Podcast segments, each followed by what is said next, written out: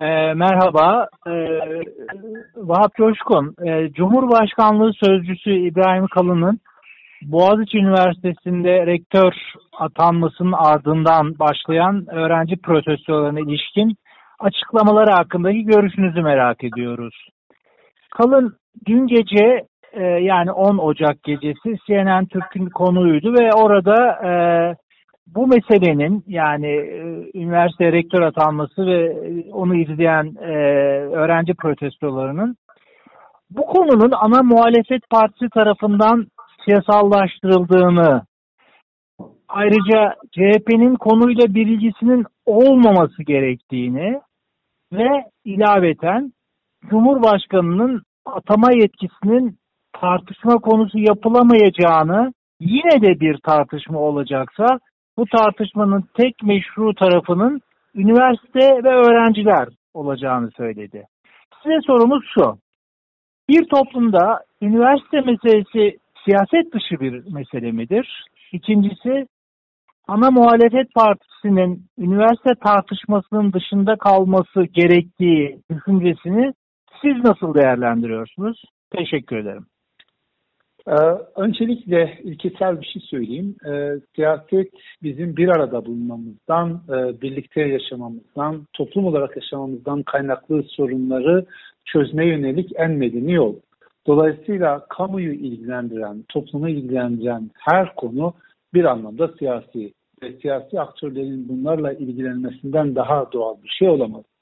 Eğitim bizim e, son derece önemli konularımızdan bir tanesi. Dünyanın her yerinde son derece önemli bir konu.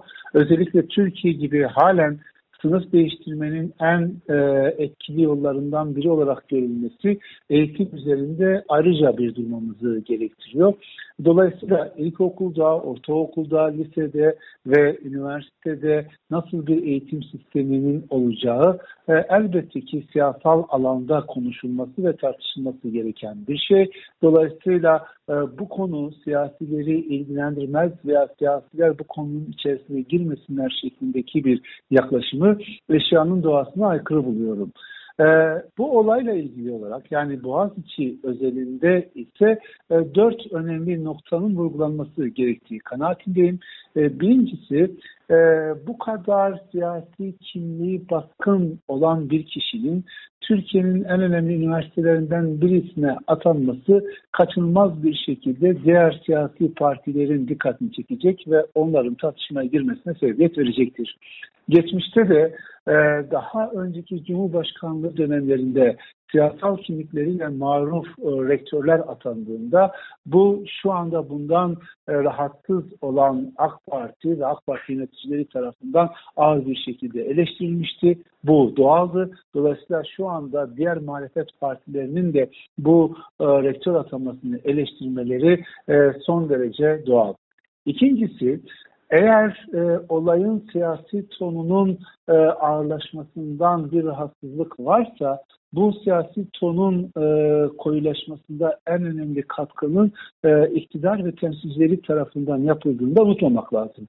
Çünkü e, Cumhurbaşkanı e, protestocuları öğrenci değil terörist olarak nitelendirdi. Ayrıca ana muhalefet partisinin en önemli aktörlerinden bir tanesini İstanbul İl Başkanı Canan Kaftancıoğlu'nu e, bir örgütle, yasa dışı bir örgütle, bir terör örgütüyle ilintilendirdi. E, şimdi ana muhalefetin buna cevap vermesi, e, buna ilişkin ithamlar karşısında kendisini savunması ve bunu eleştirmesi de yine siyasetin doğasında olan hususlardan bir tanesi. Üçüncüsü, e, Sayın Kalın'ın açıklamasında benim en tehlikeli gördüğüm noktalardan bir tanesi, e, Cumhurbaşkanı'nın atama yetkisinin sorgulanamayacağını ima eden ifadeleri.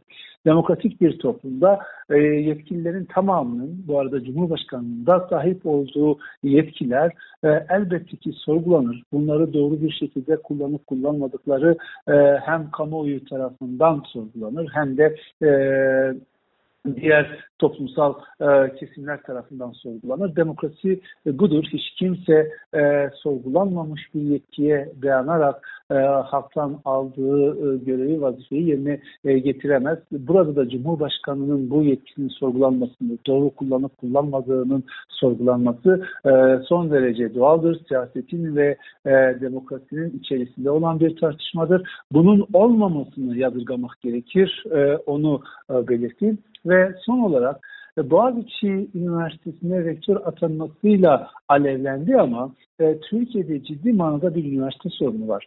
Üniversitelerde çok katı bir merkeziyetçilik var. Türkiye'de şu anda 207 üniversite var ve bu üniversitelerin tamamı neredeyse birbirine benzer bir şekilde eğitim gösteriyorlar. Bu kadar katı bir merkeziyetçi yapının dünyanın baş, dünyada başka bir örneği var mıdır?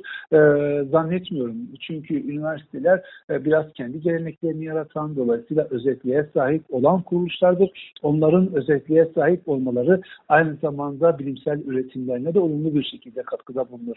E, keza rektör atamaları da çok ciddi manada problem oluşturan hususlardan bir tanesi.